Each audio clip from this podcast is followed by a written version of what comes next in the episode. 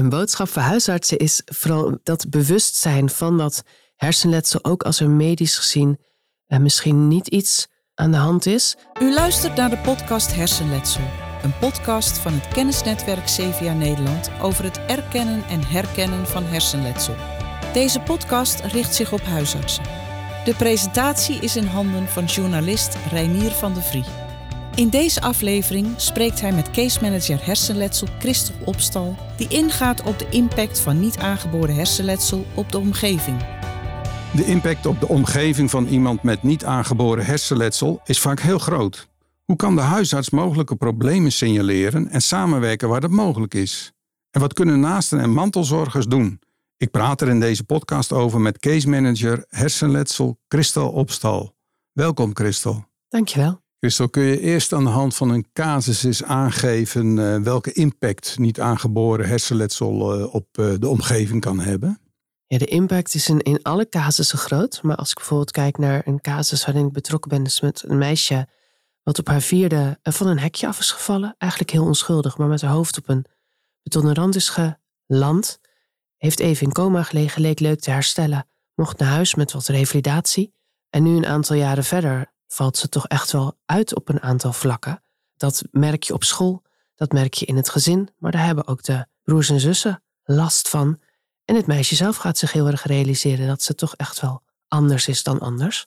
De consequenties zijn groot, de gevolgen. Want welke last hebben de broers en zussen ervan dan? Dat dit meisje minder prikkels aan kan, vaker vermoeid is, maar daardoor dus ook bijvoorbeeld dingen niet hoeft die de anderen wel moeten. Zij hoeft niet de vaatwasser in te ruimen na het eten, want dan is haar emmertje al vol qua prikkels. Ja, dat uh, is niet, wordt niet heel erg gewaardeerd in het gezin, zeg maar. Nee, andere kinderen zijn misschien nog te klein om daar echt begrip voor uh, te hebben. Een van de anderen is puber en die vindt dat gewoon oneerlijk. Zij moet dat niet doen en ik moet dat wel doen. Uh, en waarom moet ik alweer stil zijn omdat zij moe is? Ja, en wat betekent het voor het meisje zelf? Het meisje zelf merkt dat ze uh, een aantal activiteiten. Zij kan bijvoorbeeld niet direct uit school naar een kinderfeestje, want dat is te vermoeiend. Dus ze merkt dat ze echt andere dingen nodig heeft. Vaker moet rusten. Niet naar, naar Sinterklaas met de hele familie kan, omdat dat voor haar te veel prikkels zijn. Dus zij voelt zich ja, anders, vindt het ook stom. Wil daardoor soms ook niet rusten als ze wel zou moeten rusten, waardoor ze extra overprikkeld is en een korter lontje krijgt. En dus extra explodeert thuis dat is heel erg een spanningsveld. Ze kan niet wat haar leeftijdsgenoten kunnen. Wat ik een heel eh, sterk afvraag uh, in dit geval. Is dit uh, ook geconstateerd van dat deze overprikkeling komt door het uh, ongeval van een paar jaar eerder? nee, heel lang niet. Ouders zijn bij ons case management terechtgekomen met de vraag van ja, hè, wat moeten we hier nou mee? En uiteindelijk is er toen neuropsychologisch onderzoek uitgevoerd.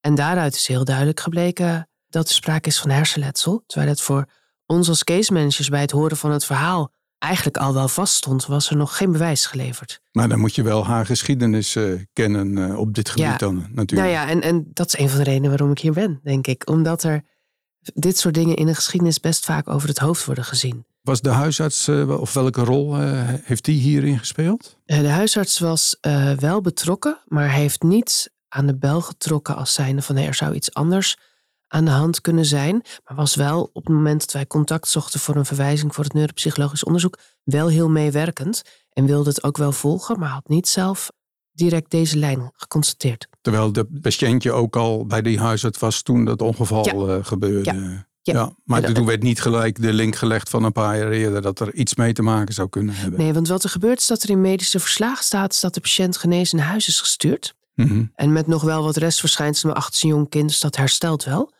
Dat noemen we dan growing into deficit. Het letsel op die leeftijd viel nog niet zo op, want op vier jaar hoef je je nog niet zo te kunnen concentreren, focussen enzovoort. En maar naarmate je ouder wordt, komen er taken naar voren die dan blijk, uiteindelijk wel beschadigd blijken te zijn, maar toen nog niet getest werden. Ja, omdat het niet hoefde. Als we nou in het algemeen hebben over uh, mensen met niet uh, aangeboren hersenletsel en uh, de impact die dat heeft op de omgeving. Welke omgeving hebben we het dan en welke impact kan dat hebben? Eigenlijk zou je zeggen, het, heeft impact op alle omgeving. Zowel het gezin als in de familiekring, als de vrienden, als het werk, als de sportvereniging. Het heeft eigenlijk altijd overal impact. Alleen zal het in het gezin het eerst zichtbaar zijn. En hoe moet je er mee omgaan? Hoe moet de omgeving ermee omgaan? Ja, ik denk dat je daar niet een eenduidig antwoord op kan geven, omdat er zo ontzettend veel verschillende vormen van hersenletsel zijn. Wat je in ieder geval moet doen, is, is niet zeggen dat het wel meevalt. Wat we veel zien, ook bij volwassenen, oh wat fijn dat het weer zo goed met je gaat. Wat zie je er goed uit? Wat fijn dat je niet halfzijdig verlamd bent. Want dat is waar mensen aan denken bij hersenletsel. Maar er zijn ook heel veel gevolgen die je niet meteen ziet. En die worden best snel door de omgeving onder tafel geveegd. Iedereen is wel eens moe. Ja, ik vind het ook wel eens druk. Dus niet bagatelliseren en eigenlijk vragen om informatie. Van wat is er dan gebeurd en waar heb je dan last van? Wat zijn eh, de belangrijkste signalen eh, die iemand afgeeft als hij niet meer goed functioneert? Ik denk dat de mantelzorger, dus de, dus de partner, eh, de kinderen, dat die als eerste een signaal gaan afgeven. Want die gaan in een, als eerste er tegenaan lopen dat het medische gedeelte misschien wel opgelost lijkt. De revalidatie goed is afgerond. Maar dan komt iemand naar huis en vaardigheden oefenen in de revalidatie is één. Maar ze oefenen in een, in een gezin waar ook nog drie opgroeiende pubers zijn en een hoop drukte, is een heel ander verhaal. Dus ik denk dat, dat mantelzorgers het eerste constateren dat iemand veel minder energie heeft. Dat bijna altijd zo een korter lontje sneller overprikkeld is. En dat dat voor problemen zorgt in het gezin. En mocht iemand vrij snel weer aan het werk gaan, vaak ook echt bij de werkgever.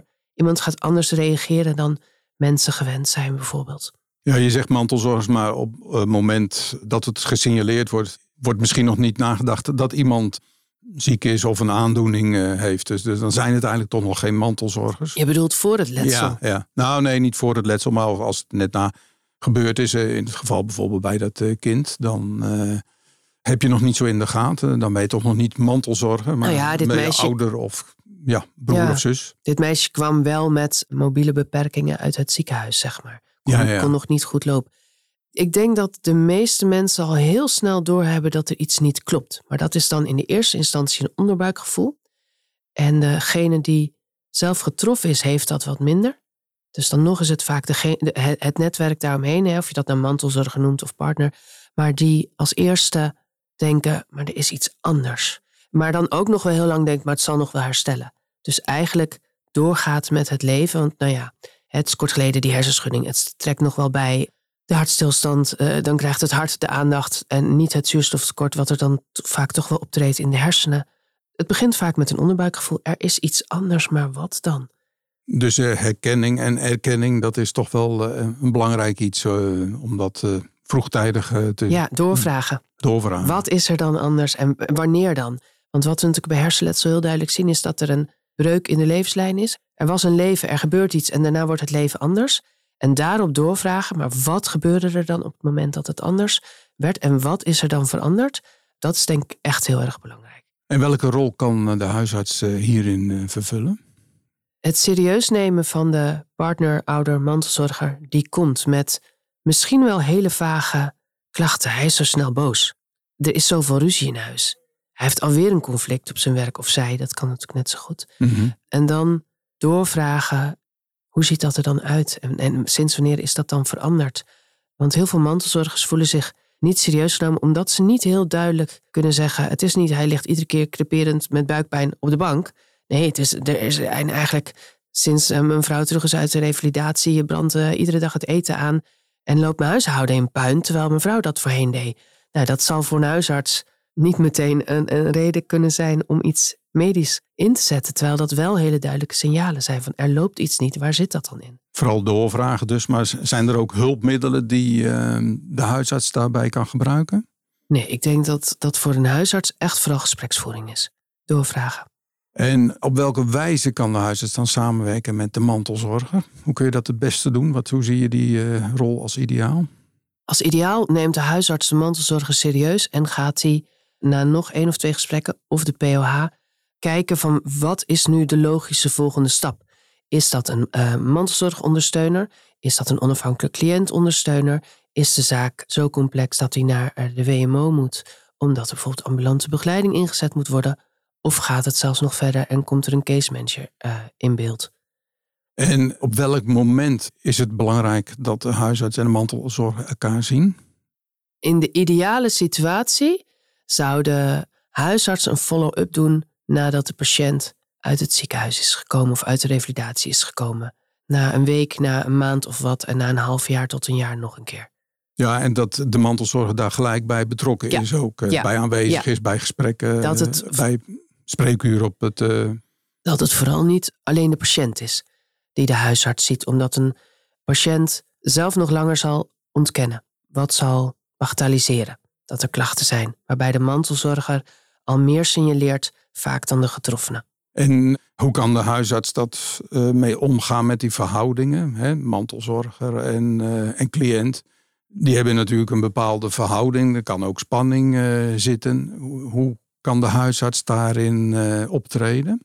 Ik ken een aantal situaties waarbij het gezin heeft gezegd: het had geholpen als de huisarts mijn vader alleen op het spreekuur had gevraagd en mijn moeder alleen.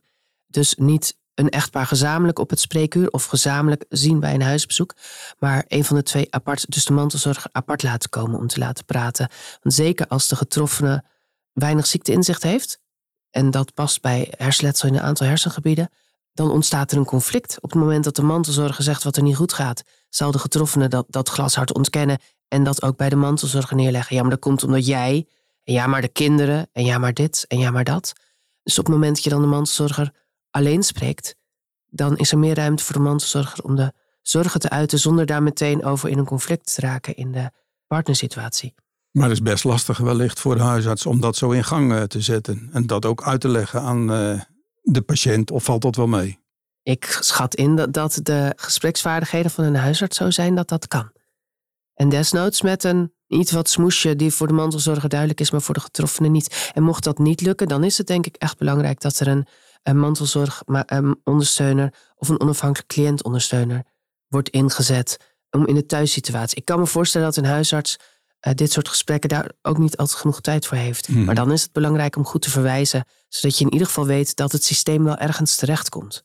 En wat te doen als je denkt dat de mantelzorger geen goede rol vervult. Hè? Dat kan natuurlijk ook. En misschien ja, zelfs tegen de belangen van de betrokkenen ingaat. Dat is echt een ingewikkelde. Maar ook dan kom je denk ik wel bij een mantelzorgondersteuner of een onafhankelijk cliëntondersteuner, omdat die een langere tijd in gesprek kunnen gaan en daar ook meer zicht op kunnen krijgen. En die hebben dan ook de taak om dat gesprek te gaan voeren.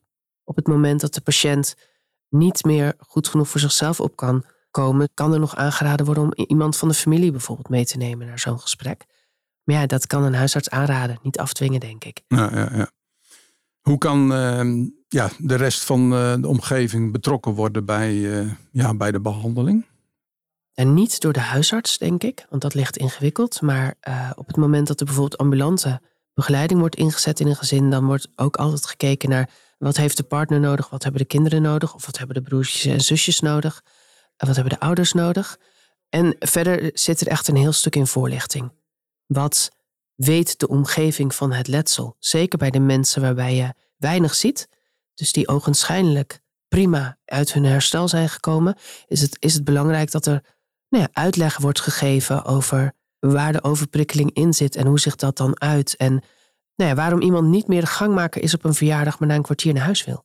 Om maar even iets te noemen. Dat kan je ongezellig vinden en labelen als eh, er is ruzie of wat is er gebeurd. Je kunt ook, als er uitgelegd wordt waarom iemand nou ja, het liefst die grote groepen mijt, dan blijft het netwerk langer bestaan als er goede voorlichting wordt gegeven. Want anders verdwijnt het netwerk langzaam maar zeker omdat ze het niet begrijpen. En heeft de huisarts daar ook een taak in, in die voorlichtende rol? Dat hangt er een beetje vanaf hoe de rest van het traject gaat. Op het moment dat zowel de getroffenen als de mantelzorgers geen idee hebben dat er hersenletsel zou kunnen zijn, dan is het denk ik met name belangrijk dat dat vastgesteld wordt. En dat doet een huisarts eigenlijk altijd door een verwijzing.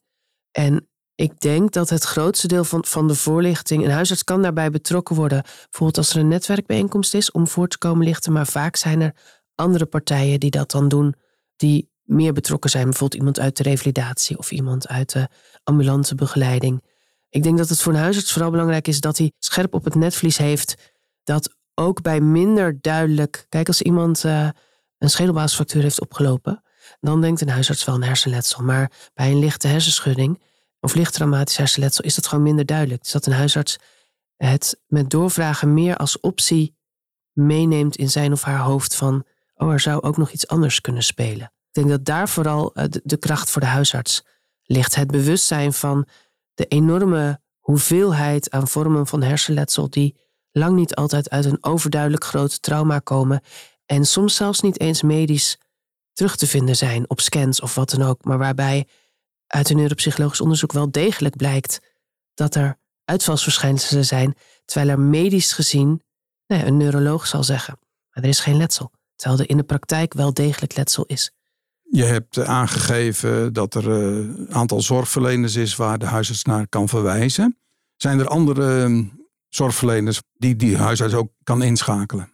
Ja, de huisarts kan ook altijd contact opnemen met de Breinlijn. Dat is een landelijk telefoonnummer waar per provincie hersenletseldeskundigen achter zitten. Dus op het moment dat de huisarts twijfelt of er sprake is van hersenletsel of over waar hij een patiënt naartoe kan verwijzen, kan hij altijd bellen met de Breinlijn.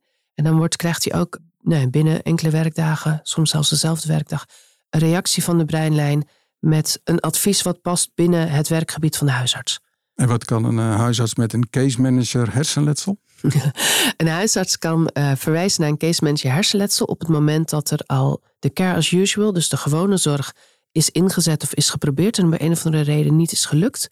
Of als de zaak complexer is dan de gewone zorg aan kan. Dat betekent bij casussen die complex zijn qua problematiek, waarbij een ambulant begeleider wel is ingeschakeld, maar het bijvoorbeeld niet redt uh, met de beschikking, waarbij er nou, sprake is uh, van kinderen die lijden onder de situatie, waarbij er sprake is van veel partijen die allemaal wel iets vinden, maar niet samenwerken. Dan kan een case manager hersletsel daar een soort helikopterview in aanbrengen om te zorgen dat partijen gaan samenwerken. Maar dat is eigenlijk altijd als er al zorg in is geweest of als een cliënt echt alle zorg afhoudt terwijl er overduidelijk problemen ontstaan. En uiteindelijk ontstaan die als er niks gebeurt altijd op alle levensgebieden. Zijn er behalve breinlijn nog andere opties voor de huisarts om naar te verwijzen? Ja, de huisarts kan ook verwijzen naar Hersens. Dat is een uh, behandelprogramma voor niet aangeboren hersenletsel wat uh, landelijk dekkend is. En uh, daar kunnen mensen aangemeld worden door de huisarts. Dat bestaat uit verschillende modules. Om bijvoorbeeld de module omgaan met energie en hersenletsel te volgen. En daar is ook een module in voor partners of mantelzorgers van hersenletsel over hoe zij daarmee om kunnen gaan. Dus dat kan ook nog een goede verwijzing zijn. En dat is ook direct uh, lotgenotencontact uh, vindt daar ja, plaats dan? zowel voor de getroffenen als voor de mantel. De mantelzorger heeft een module met alleen maar andere mantelzorgers. En ook de getroffenen zit daar in een groep met andere getroffenen. En dat is heel waardevol, want daar ontmoeten ze mensen die tegen dezelfde problematieken aanlopen. Uh, in meer of mindere mate als dat zij zelf doen. En alleen dat is al heel waardevol om van elkaar te leren. En ook om te ervaren dat je dus niet de enige bent die hier last van heeft. Heb je tot nog uh, een boodschap voor huisartsen of tips uh, wellicht uh, op dit onderwerp? Een boodschap voor huisartsen is vooral dat bewustzijn van dat hersenletsel, ook als er medisch gezien misschien niet iets aan de hand is. En heel belangrijk is dat het, het eerste herstel is altijd gericht op het medische herstel en op het weer gaan lopen, weer gaan praten, weer gaan. En pas daarna komt het besef van de rest van de wereld. En dat kan soms wel een half jaar tot een jaar duren. En dan komen er dus alsnog klachten. En die komen wel degelijk voort uit dat hersenletsel. Dus heel goed doorvragen. De mantelzorger ook echt apart durven te spreken. Als het niet goed voelt. En bewust zijn van de ontzettend vele vormen van hersenletsel. Zowel bij volwassenen als bij kinderen. De medische aspecten zijn natuurlijk duidelijk. Dan krijgt de huisarts ook een prachtige overdracht van vanuit het ziekenhuis en voor revalidatie. Dat komt allemaal in een digitale systeem te staan. Alleen de vraag is, hoe het dan thuis gaat en wat daarin niet loopt. En dat staat in geen enkel verslag. En dat is wel juist waar het op misgaat. De mensen hebben geen last van hun hersenletsel omdat dat stolsel in hun hoofd over het hoofd is gezien. Ze hebben last van de gevolgen van dat stolsel en dan vooral de ongrijpbare gevolgen van het korte lontje, de verminderde energie, de concentratie, en dat soort zaken. En dan is het mooi als een huisarts ook als het medisch gezien twijfelachtig is, toch aan hersenletsel gaat denken. Ik vond het mooi dat je zei dat er uh, ja, echt een breuklijn is uh, in het leven van iemand die uh, hersenletsel overkomt. En ik denk dat dat heel belangrijk is om dat in de gaten te houden. Dat er iets veranderd is in het leven en goed kijken wat is er veranderd en wat kan eraan gedaan worden om dat weer beter te maken. Ik denk dat mantelzorgers dat namelijk ook wel, en soms ook de getroffene zelf dat terug kan zeggen. Maar het ging wel totdat ik een ongeluk kreeg met mijn elektrische fiets. En daarna, toen had ik gebroken pols en daarna werd ik niet meer fit. En, en dan denkt iedereen, ja, het zit in die gebroken pols. Maar ja, ja, je was ook nog met je hoofd op het asfalt geknald zonder helm. Maar ja, die gebroken pols, dat is wat het eerste de aandacht trekt. Maar die breuk, die hoor je echt in 100% van de gevallen terug. Er was een leven, er gebeurde iets. En daarna werd het leven anders. Ja, en in welke mate, dat verschilt enorm. Maar ze zeggen allemaal en daarna werd het anders. Ouders, kinderen, partners, getroffenen, iedereen. Ik wil jou hartelijk danken voor dit gesprek. Eh, ik denk dat er waardevolle informatie eh, heeft opgeleverd. Ik hoop het. Waar eh, hopelijk ook iedereen weer verder mee kan. Dankjewel. Dankjewel. U luisterde naar Hersenletsel, de podcast van Kennisnetwerk CVA Nederland over gevolgen van hersenletsel. Andere afleveringen zijn er met Vincent Kwa over hoe de huisarts de patiënt zorg kan verlenen bij symptomen van hersenletsel, met Lianne van Dam over vermoeidheid, met Ike Winkens over verstoord ziekteinzicht en met Frank Wiendels over overprikkeling en verstoorde emotie bij hersenletsel. De podcasts zijn te beluisteren via Spotify, Apple Podcasts, via jouw favoriete podcast-app en de website van kennisnetwerk CVA Nederland. Deze podcastserie is mede mogelijk gemaakt door de Hersenstichting.